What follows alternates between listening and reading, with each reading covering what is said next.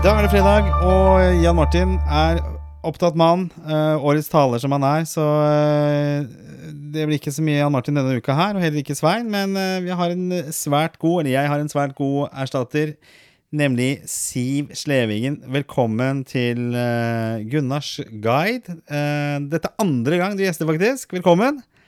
Ja, tusen takk. Det er veldig kjekt å være tilbake her. For det, du var jo en av de første jeg var hos når jeg først startet opp også. Ja, du, Det er jo litt sånn full circle her. Jeg har plukket deg opp litt, eh, litt tidlig. Eh, Mhm. Fordi vi skal jo snakke om økonomi, selvfølgelig. Eh, og når du var med i programmet forrige gang, så det er jo snart et år siden, som sagt. Da hadde du for øvrig et annet navn også. Da var det dette Guggen-navnet som ble borte etter hvert.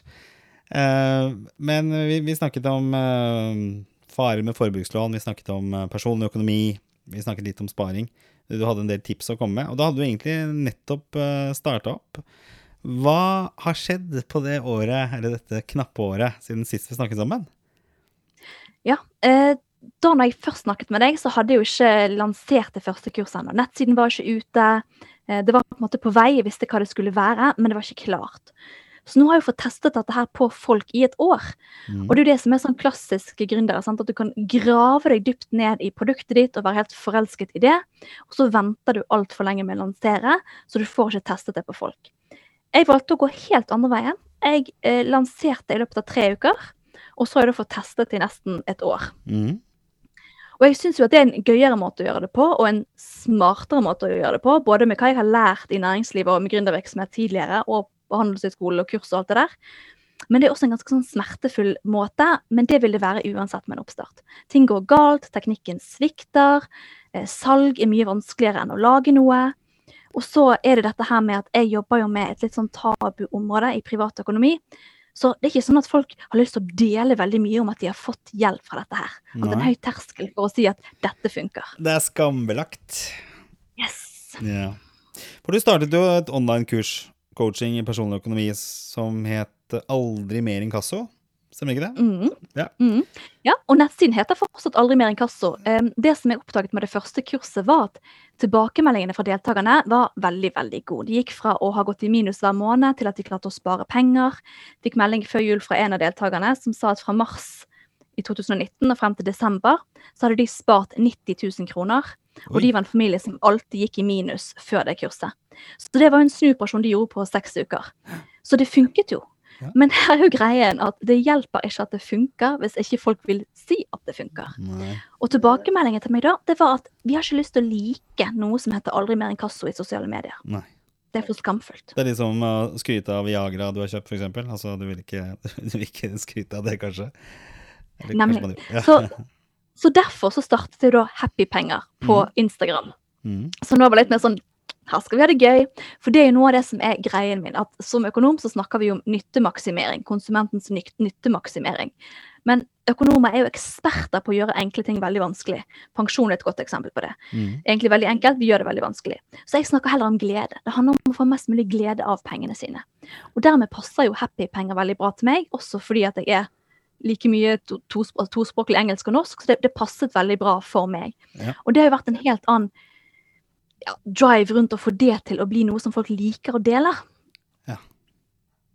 Det er en litt For det må jo til. Ja, det er, det er det er det du er avhengig av. Altså Når du skal starte opp, så er du jo avhengig av sosiale medier. Du er avhengig av å Mm. selge produktet ditt. Har det på en måte vært det vanskeligste? Å å rett og slett få solgt det? Ja, og det er det, er det vanskeligste. Med, med eh, online-produkter så tror man gjerne at det som kommer til å være vanskelig, er teknikken, eller å lage kurset og klare å gjøre det sånn at folk lærer av det. Det er ikke det vanskeligste. Det som er det vanskeligste, er å selge det. Eh, og, og klare å få nok eh, salg over tid. Mm. For at du må ha opp volum. Og særlig i oppstartsåret så er det det som har vært det tøffeste for meg. Mm. Men det har jeg også vært forberedt på. Så jeg har ikke regnet med at det skal gå noe særlig pluss det første året. Jeg tar bare alle pengene og reinvesterer de. Mm. Og så eh, er det snakk om at liksom fra i løpet av året i år, så regner jeg med at jeg begynner å kunne tjene penger på det. Mm.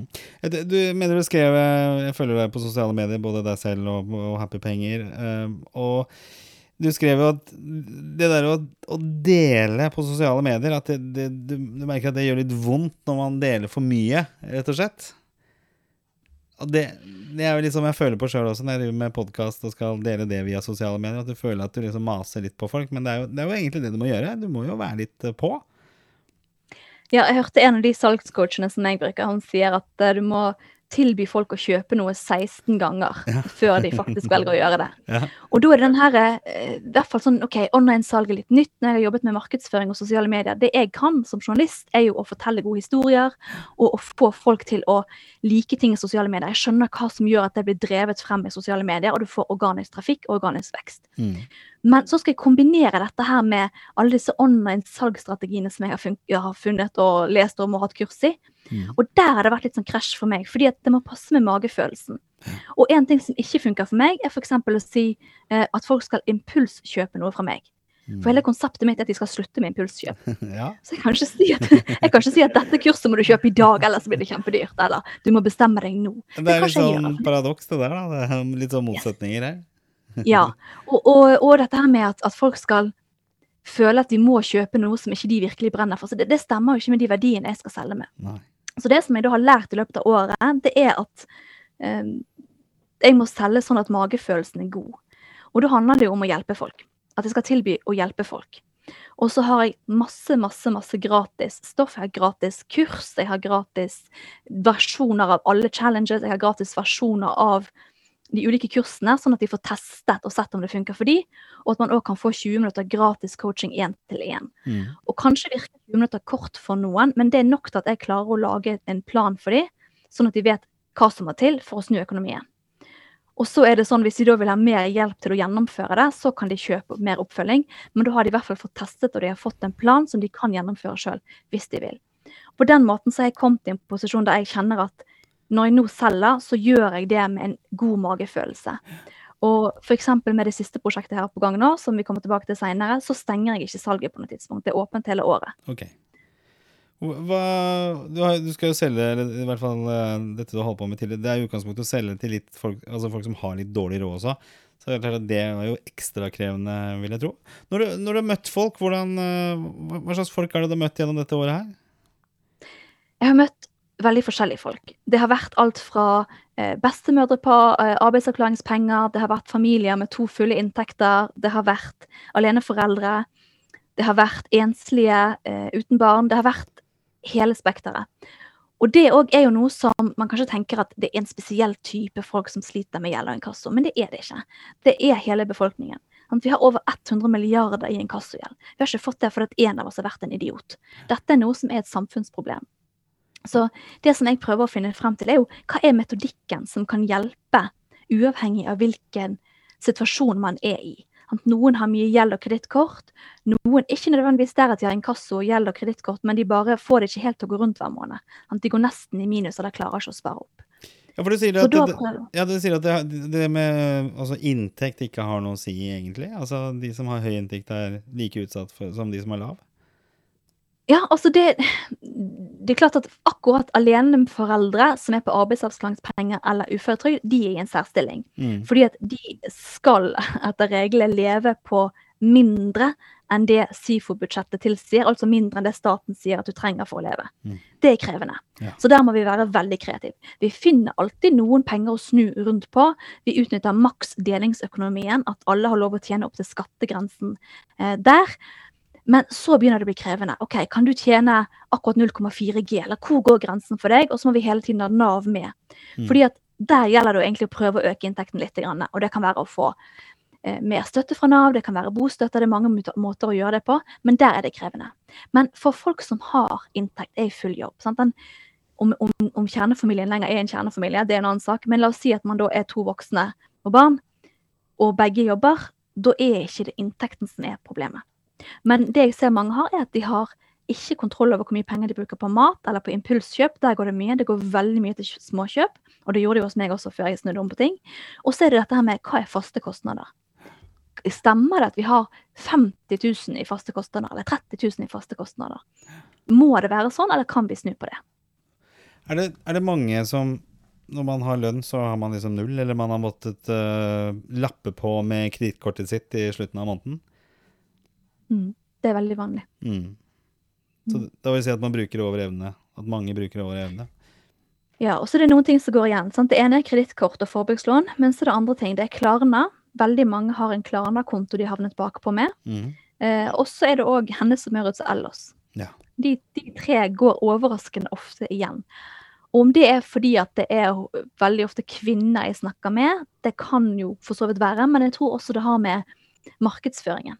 Eh, at eh, Klarna sier 'smooth', Snoop Dogg, du trenger ikke betale nå, betal seinere, bare kos deg. Og så dette her at du kan utsette betalingen. Altså, først utsetter du den i to uker. Men så kan du også utsette den liksom uten konsekvenser i en runde til. Og når, når det da kommer der at du må begynne å betale før rentene løper, så har ikke folk penger lenger. Da har de brukt de pengene på noe annet. Så, så det er det ene. Og det andre er at Ellos og Hennes Møritz har ganske mye mm, markedsføring i sosiale medier. Eh, så det er mange som får de annonsene opp på Facebook og, Instagram og shopper der. Ja. Så jeg tror det er noe av det som eh, på en måte påvirker litt ekstra. Og er veldig fristende. Altså det der å utsette betaling, trenger ikke betale, men du kan få produktet nå. Eh, selvfølgelig er det lett å falle for det grepet, og så er det litt det litt av hver måned, og så sitter man der. Ja, og det er jo helt grunnleggende i menneskets natur. Hjernen vår er laget sånn at vi vil ha ting med en gang. Vi vil ha umiddelbar belønning. Vi vil ikke vente, vi vil ikke jobbe hardt. Og det er litt sånn, Hvis vi var huleboere, så var det en veldig smart måte å bruke ting. At du bruker minst mulig energi for å få mest mulig glede. Kjempesmart. Men så har vi fått masse sukker, tilgang på shopping, tilgang på kreditt, tilgang på alkohol og snus. Da går det ganske skeis. Ja. Det jeg tipper dette er mye psykologi også? Ja, det er det jo. Og derfor så eh, Jeg oppdaget jo sjøl eh, en, en coachskole i USA da jeg gikk på Handelshøyskolen, og jeg merket at det var mye, mye tøffere enn det jeg hadde trodd det skulle være å gå da. Jeg fikk litt sånn Åh, det var noe helt annet å gå tilbake til skolen ti år seinere med to barn. Og Handelshøyskolen var noe helt annet enn de andre skolene jeg hadde gått på før. Det var som å gå fra Obos-ligaen til Premier League. Ja. Så det var mye tøffere enn jeg var klar over. Og jeg satt langt på natt med sånn finansinnleveringer som måtte være riktig til fem desimaler. Var helt fortvilet. Og så kom jeg over en annonse på Facebook som var sånn How to feel better in five minutes. Ja, ja. Og de teknikkene begynte jeg å bruke, og da så jeg at dette her er jo det det egentlig handler om med penger. For én ting er å forstå hvordan setter du opp en plan, og hvordan kan du eh, spare, men det vanskelige er å følge den planen. Og det er jo psykologi. Mm. Derfor har jeg også tatt en coach-sertifisering som jeg bruker vel så mye som økonomiutdannelsen. Og så over til det du holder på med nå. Hashtag spar 100 000. Mm. Hva er dette? Ja, det startet som en giveaway, fordi at eh, Jeg hadde giveaways gjennom hele desember. For det er litt sånn at du kan ikke gifte deg med produktet ditt som gründer, du må gifte deg med kunden. Mm. Og hvilke problemer de har, og hvordan du kan løse det. Eh, og så fikk jeg aldri helt dreisen på navnet Aldri mer inkasso. Det solgte ikke så bra. Så prøvde jeg Happy Penger, Seks steg til enklere økonomi. Jeg solgte ikke så bra. Nei. Og så kom jeg på dette Spar 100 000 på et år. Så det startet som en giveaway. Eh, Og så sier jeg så kan jeg følge deg opp gjennom et helt år. Ja. Og det bare tok helt av. Jeg har aldri fått så mye engasjement på en post. Aldri fått så mye engasjement eh, når jeg har delt noe før. Så eh, tredje juledag så bestemte jeg meg for at ja, men dette kjører jeg som et program. Og, så det var da 27. desember på kvelden. 5. januar var det webinar, og så er vi i gang. For det tok av på en helt annen måte. Det er noe med at det Jeg trodde det at det er veldig konkret. Det er et veldig konkret resultat. Altså, det, det høres jo veldig Det høres utrolig vanskelig ut.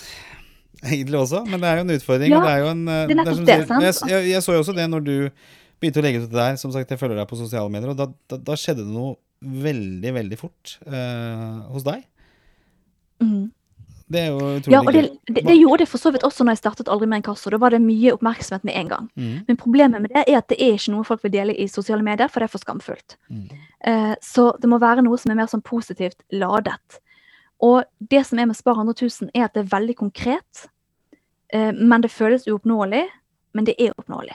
Så det er et mål som går an å nå for de fleste i løpet av et år, hvis vi jobber hardt. Og det som jeg da skal få til her, det er jo å lære folk én ny vane hver uke gjennom hele året, istedenfor nok et nyttårsforsett forsett som krasjer før 15. januar.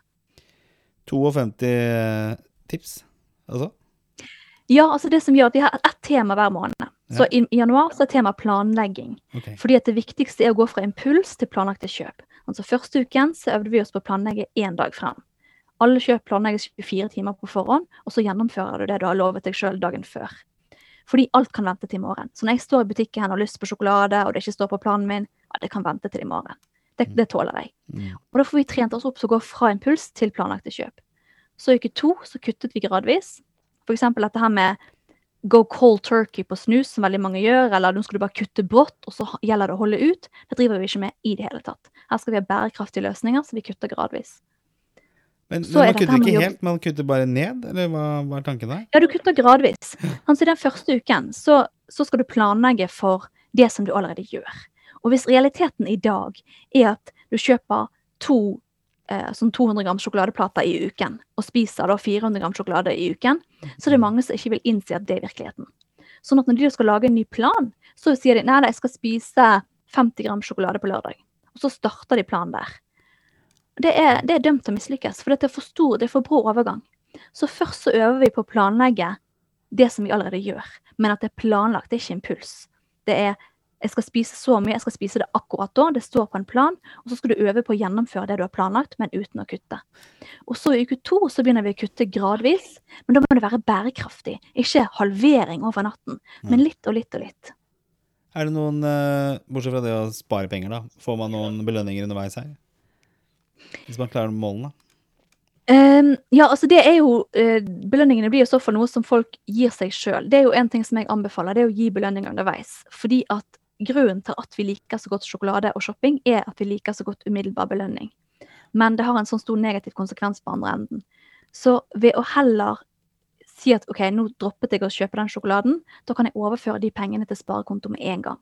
Da ser du at den sparingen vokser, og du får en umiddelbar belønning av å spare istedenfor av å spise sjokolade eller shoppe. Så den type belønninger er jo noe som man kan gi seg sjøl underveis. Eh, Jeg anbefaler også å teste klinkekuler. Hver gang du har lyst på noe, men ikke kjøper det, så kan du putte en klinkekule på et glass, Mm. eller gi deg sjøl et stjerneklistremerke. Og ti minutter med å ikke gi etter for en impuls, et nytt klistremerke eller en ny klinkekule. Sånn at du gradvis trener eller trener hjernen til å ikke ville ha den umiddelbare belønningen. Og det som folk erfarer da, det er jo at mestringen er den største belønningen. Ja, men, men disse spontankjøpene Jeg bare ser litt på meg selv og min egen, eh, mitt eget forbruk. Jeg, altså, jeg, vet jo ikke hvor mye det er, men jeg, jeg frykter jo at det er veldig mye. Det utgjør veldig mye i løpet av en måned. Ja, og det er jo det som jeg oppdaget sjøl. At jeg tilfeldigvis ved et uhell klikket på sånn, eh, forbruket mitt i nettbanken. Og bare sånn Hæ? Jeg ble ranet av godt brød og Deli de Luca. Dette må jo være en feil. De må jo ha hacket kontoen min. Altså, men Nei da. Det er bare at du bruker 60 kroner hver morgen på Deli de Luca og 200 kroner til på godt brød hver dag. Og det er faktisk nok nesten til å spare 100 000 på et år. For du trenger bare å spare 274 kroner om dagen. Så jeg fant jo egentlig igjen mesteparten av de pengene bare på frokost og lunsj. Mm, ja. Hva sier folk da når de oppdager dette her? Når de ser liksom Shit, hva er det dette jeg bruker pengene på? Er det, er det sjokk? Det er ofte sjokk, og særlig på mat. Fordi at ja, men mat må jo ha. Mat, det- kan må jo bruke penger på mat. Ja, men hvis vi da ser på hva statens forsker på det, Statens forskningsinstitutt sier, SIFO, at du trenger kanskje 6000-7000 kroner i måneden til mat til en familie på fire. Men det er ikke uvanlig at folk oppdager at de bruker 14 000 eller 15 000 kroner på mat i løpet av en måned. Og den verste fienden der er vel daglig handling. Yes! Mm. Og det er jo derfor vi denne uken øver oss på ukesplanlegging av mat. Sant? Du skal handle én gang denne uken. Og det er jo da øve seg på at hvis du har glemt å kjøpe noe, så prøv å være uten en uke. For vi overlever jo. Sant? Vi er jo litt sånn fæle til å synes det er ille med norske tilstander, men vi overlever jo. Men disse tjenestene sånn kolonial og der du bestiller via nett, er det, er det, er det mer økonomisk? Ma Det spørs jo og det- det- det- Jo, altså det kan jo for være det hvis det gjør at du handler mindre, og at du trives med det, og det er verdt det for deg. Men greien min, jeg vil jo ikke at folk skal nødvendigvis lure seg selv til å spare 20 kroner hver gang de trekker kortet, eller nei, jeg kan ikke tåle å gå inn i en butikk og ikke kjøpe noe annet enn det som står på listen, så jeg kan ikke det, jeg må bare bestille på sånne nettbutikker. Men det, det er ikke jeg med på, fordi det vi skal gjøre er å trene oss opp til å ta bevisste valg, og trene oss opp til å ikke være et offer for impulskjøp. For det trenger vi ikke å være. Det går an å trene seg helt om til det, og jeg har gjort det sjøl. Jeg har vært en hysterisk impulsshopper. Det har vært helt krise. Og brukt opp alle pengene mine på sånn småkjøp og salg og nattåpent og alt mulig rart tull. Mm. Mens nå er det snudd helt rundt. Så det er mulig å snu det hvis vi jobber gradvis. Jeg tenker også lunsjer. altså For mitt vedkommende også. Lunsj er noe jeg bruker veldig mye penger på. Altfor mye penger. En salat, dyr salat på matkroken nesten hver dag. Det, det, jeg har ikke engang turt å Og da legger jeg ofte på en eh, ekstra uh, tyggegummi i tillegg. Så jeg har også tenkt på hvor mye penger bruker jeg på ekstra tyggegummi i løpet av en måned. Uh, jeg, uh, kona sier at jeg tygger det så fort også, så jeg, det kan fort bli to, to pakker om dagen. Uh, så, så det er jo sånn de småtingene som lurer seg inn hele tiden, som uh, tapper pengene fra kontoen. Nemlig. Det er det. For småkjøpene blir til veldig mye penger. Og det er jo det som er clouet. Vi, vi skal bare spare 100 kroner, men vi skal gjøre det 1000 ganger. Mm. Og det, for, for mange av oss så er det rett og slett snakk om at vi bruker opp denne type penger kun på småkjøp i løpet av en dag. Hvor ofte bruker du 274 kroner i løpet av en dag? Ja. Som ikke du vet hvor har gått henne. Kanskje er det faktisk hver dag. Det skal du ikke se bort fra. Det er ofte, dessverre. Og så er det det der med ukekjøp. da, ikke sant? Vi sier det hver eneste mandag at denne uka her skal vi gjøre storhandel. Og så skjer det ikke. Så er vi på butikken og handler middag hver eneste dag. Og da blir det fort oi, 300 kroner, 400 kroner, 500 kroner. Altså det går utrolig mye penger. Så jeg tror vi fort havner i den kategorien eh, 14 000 kroner i måneden. Eller kanskje ikke så mye, men, men det ligger farlig nære det, i hvert fall. Ja, og det var jo det jeg oppdaget. Sant? At jeg var innom butikken hver eneste dag i uken. 400 kroner der, 700 kroner der. Og Mm. bare ikke skjønte hvor alle pengene ble av. Mens hvis jeg, sånn som når jeg har vært på ukeshandling i dag, ok, da har det gått tu- 1000 kroner. Men da føler jeg at jeg har handlet mye og brukt mye penger, og jeg ser at den kurven fyller seg opp. Så det skjer jo noe i hjernen da. Da ser jeg jo oi, nå har jeg kjøpt mye. Men du ser jo ikke det når du hele tiden kjøper for 300 kroner. Nei. Så for veldig mange av oss som er sånn i den hvis du liksom, Passer du i den boksen? To voksne, barn, grei inntekt. Ok, Hvorfor står det ikke 100 000 kroner ekstra på sparekonto hvert år? Hvorfor sparer du ikke 100 000 kroner i aksjefond hvert år? Jo, fordi at du bruker det opp på småting. Ja. Er det litt sånn der at du føler Det, det er psykologisk eh, du, for det, Dette med mat igjen, da, så føles det liksom Jeg brukte ikke mer enn 350 kroner istedenfor å bruke 1500 kroner på den ukehandlinga. Så er det liksom litt sånn eh, psykologisk at det føles mindre, selv om du bruker mer penger. Yes, Og det er akkurat sånn vi lurer oss. Forteller du kronestykkene, eller teller du tusenlappene? Vi har mye lavere terskel for å bruke 300 kroner tre ganger enn å bruke 900 kroner én gang. Det poeng. Og det er en sånn treningssak, og det er derfor vi har én ny utfordring hver uke. Sånn at du kun skal fokusere på én vane i uken. For det er så lett at vi prøver å gjøre for mye med en gang, og så ender det opp med at det blir eh, ingenting. Mm. At det blir eh, eh, at, det ikke, at det krasjer helt. Og det ser jeg jo med, med mine egne nyttårsforsett òg. Nå fikk jeg opp eh, Det ene var at ett år så hadde jeg spist mye sukker i julen, så jeg skulle slutte helt med sukker. Mm. Det gikk kjempebra helt til 4. januar. Da krasjet det. Ja. Og fikk jeg opp her om dagen, ja, i 2017 så skulle jeg begynne å trene igjen. Jeg hadde rukket å både begynne å trene og slutte å trene før 15. januar. Jeg så, eh, Da var du litt tidligere enn enn gjennomsnittet. For jeg så de hadde eh, litt sånn eh, vitenskapelig studert når er det man mister motivasjonen til trening. Og da var visst Ja. datoen 18. januar. Det var da Ja. de aller fleste mista motivasjonen. Det er noe sånt at det, det, det skjer eh, Det skjer eh, veldig kjapt, og det skjer, i løpet av januar. Sånn at eh, det er liksom clouet. Istedenfor å lesse masse på i januar, så skal vi, skal vi heller gradvis legge på en ny vane i uken og et nytt tema hver måned. Altså Neste måned, i februar, da handler det om faste kostnader. Det finnes ingen faste kostnader. Nei. Og det betyr jo at alt kan, du kan snu på alt. Du kan, endre, du kan endre alle ting du bruker penger på i dag. Du kan, noen som har tatt kurset mitt, har valgt å selge huset sitt fordi de fant ut at nei, dette er for dyrt. Dette vil vi ikke. Oi, ja. Og Det betyr ikke at du skal gjøre det, men det betyr at det er mulig. Ja. Og det er hele forskjellen her. For mange av de jeg snakker med, føler seg låst. Og også helt vanlige familier med grei inntekt. De føler at men det er ikke mulig for meg å spare så mye penger. Og da føler de, vi føler oss låst, det er ingen vei ut. Så blir vi gretne, og så får vi det ikke til, og så gir vi opp. Men det som er mitt poeng, er at du har valgmuligheter. Og det går fint, du bare velger. Så det er helt greit hvis du har lyst til å bruke Kanskje bestemmer du deg for at nei, men 200 kroner dagen på lunsj, det er sånn jeg har lyst til å bruke mine penger. Og hvis du gjør det bevisst, som et bevisst valg, det det du vil bruke pengene dine på, du er klar over hva det koster, det er det som gir deg glede, ja, men da er det greit. Men den der at nei, jeg vet ikke hvor det blir av, men det er ikke mulig, jeg kan ikke få gjort noe med det, øh, det er den vi skal vekk ifra, for det stemmer ikke. Ja. For det er vel det derre altså, Når såpass mange kjenner meg igjen i dette her, at når lønningsdagen kommer, så er det som regel helt tomt. Og det er jo ikke noe godt utgangspunkt. Altså, man burde jo ha en buffer eller hatt muligheten til å kunne spare litt penger eh, hver måned. Eh, men hvilke, hvilke verktøy bruker for å si litt sånn generelt, er det, setter man opp budsjetter? Er det på en måte litt sånn nøkkelverktøy dere bruker, eller du bruker i disse, disse coaching-teamene, disse kursene dine? Ja, jeg har jo eh, maler for eh, Jeg kanskje for, kaller det ikke for budsjett, for mange av mine får helt sånn Orker ikke hvis det er budsjett. Så Ja. da sier vi pengeplan. Ja. Vi har ikke regnskap, vi har pengedagbok. Så, så den øvelsen på å skrive ned hver dag i løpet av en måned hva har jeg brukt penger på, og hva syns jeg om den pengebruken. Ja. For jeg har f.eks. ikke tenkt å slutte med å drikke Prosecco i helgen, selv om det koster penger. Men jeg har bestemt meg for at jeg skal drikke det i helgen, og ikke hvem vet hvor mange dager i uken. Nei, ok. Jeg kjenner meg igjen. Og det, ja, sant? For det, det, du vet ikke helt.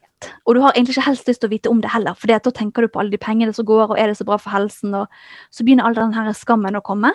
Og du trenger ikke være alkoholiker for å kjenne på det. Det er veldig mange som drikker vin gjennom hele uken, og som syns det er litt kjekt og litt ubehagelig. Og som ikke vil se hvor mye det blir totalt. Og Det det det blir jo ganske mye penger også. Uh, Yes, nå er det jo litt å flashe litt at jeg, jeg heller drikker dyrere vin, eller dyrere kanskje går opp til kremant uh, når det gjelder sprudlende, enn å uh, drikke billig, og kanskje litt færre. Men jeg må jo bare ærlig innrømme at jeg, jeg kanskje drikker mer og bruker mer penger på den policyen der. Rett og slett. Ja, og det, jeg tenker at så lenge du er klar over det, og så lenge du gjør det med glede, med bevissthet, med åpne øyne, så er det greit, for det er dine penger, du bestemmer hva du skal bruke dem på. Så jeg sier ikke sånn du skal bruke så mye på det, og så mye på det, og så mye på det. Det som vi pleier å gjøre, er at vi går gjennom forbruket. Eh, Hvis du skriver ned hva du bruker penger på hver dag i en måned, eller vi sjekker kontoutskriften for siste måned, så er det utgangspunktet. Der starter vi. Og da ser vi så mye penger går det på mat.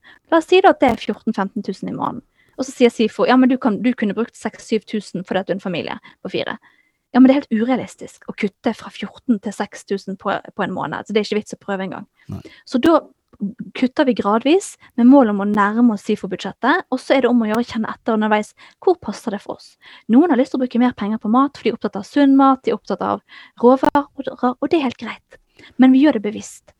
Og sammen med hvor dyr bil vil du ha. Om du vil ha en brukt Nissan Leaf eller om du vil ha en ny Tesla, det velger du helt sjøl. Men det må være rom for det i økonomien din. Det betyr at forskjellige folk vil jo velge ulikt hva som er verdt noe for dem. F.eks. meg og sushi. Noen elsker å bruke penger på det, og trenger liksom det som en egen greie i budsjettet sitt. Mens jeg tåler ikke fisk, så du får ikke meg til å spise den sushien om du betaler meg 1000 kroner.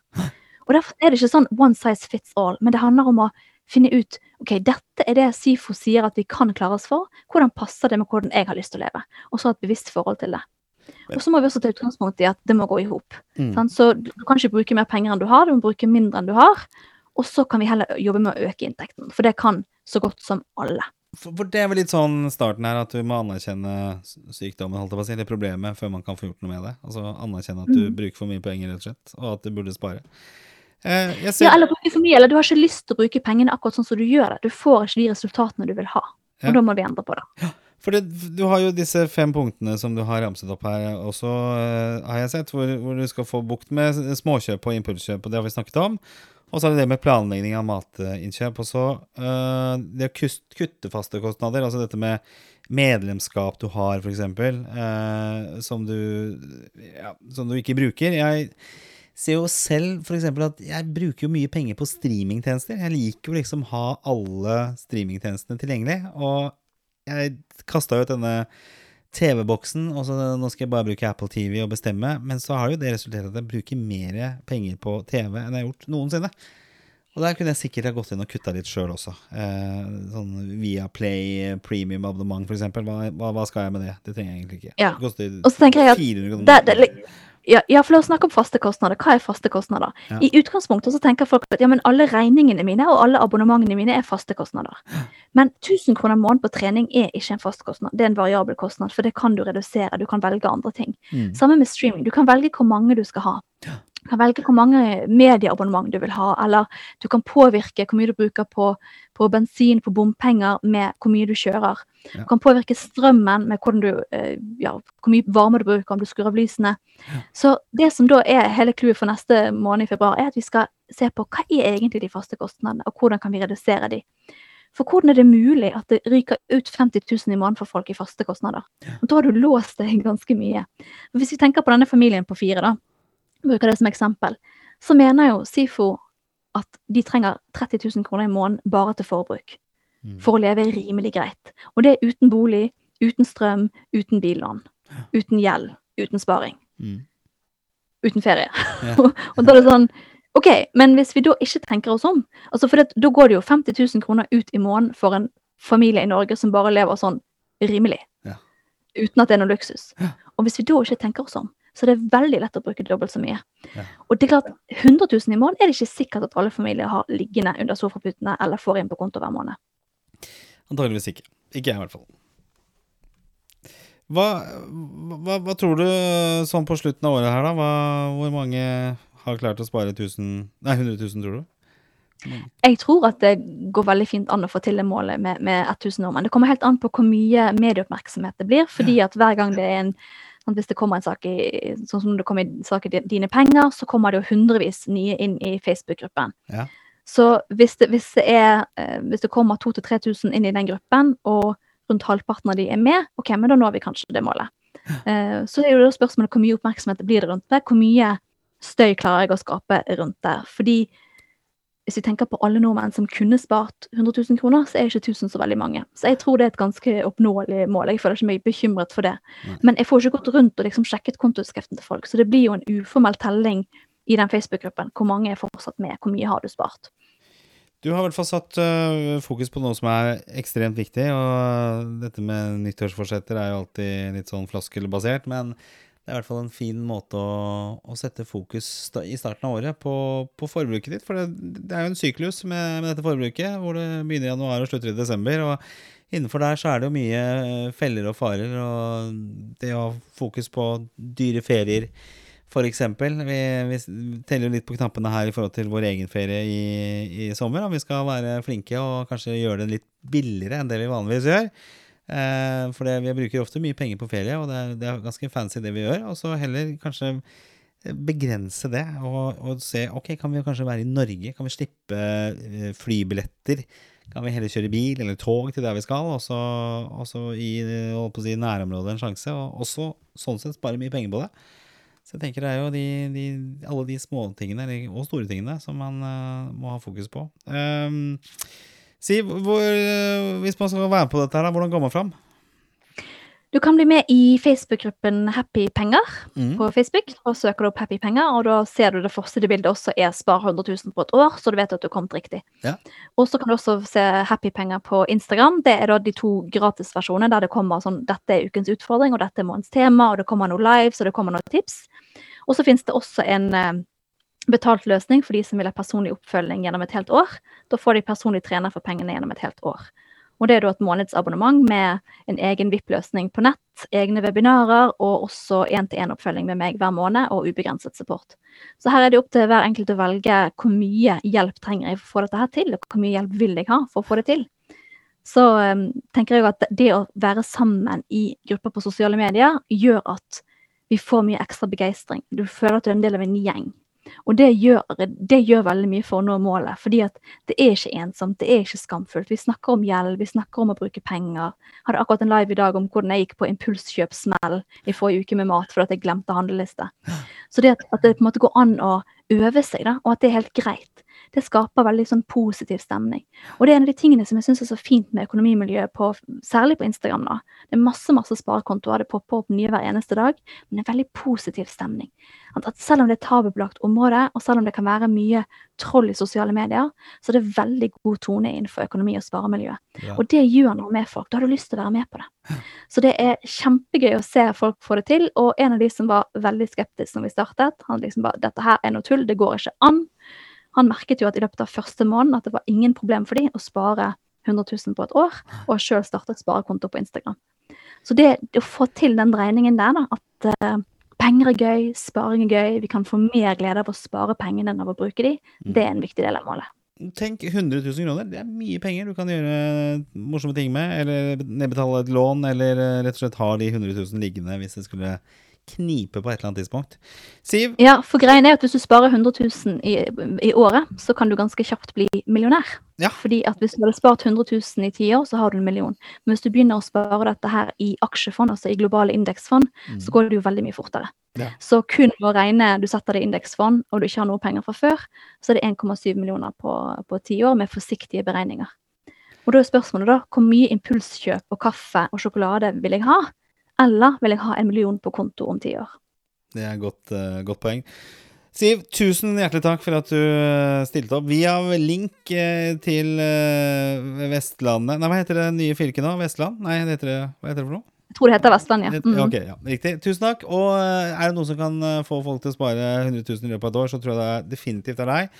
Så eh, masse lykke til videre. Jeg skal legge ut litt info på min egen Facebook-side også, om eh, hvordan man kan komme i kontakt med deg og bli med på dette opplegget, opplegget her. Og jeg skal definitivt eh, ha fokus på egen økonomi i 2020. Om det blir 100 000 i år, det vet jeg ikke, men jeg skal i hvert fall være flink til å spare.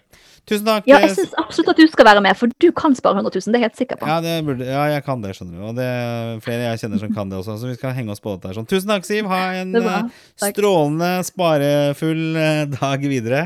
Og så snakkes vi nok igjen, for det, vi må jo eh, ha en liten prat i slutten av året også, for å se hvordan, hvordan gikk dette. Ja, og det er jo litt sånn forpliktende for deg òg, da. Jeg syns det. du sjekker inn sjøl på 17 år i podkasten. Ja, hvordan gikk det nå egentlig med disse 100 000? Oh, jeg har sagt det høyt også, så da må jeg gjøre det. Ok, greit. Greit, jeg skal gjøre det. Tusen takk, Siv. Greit. Ha det bra. Ha det.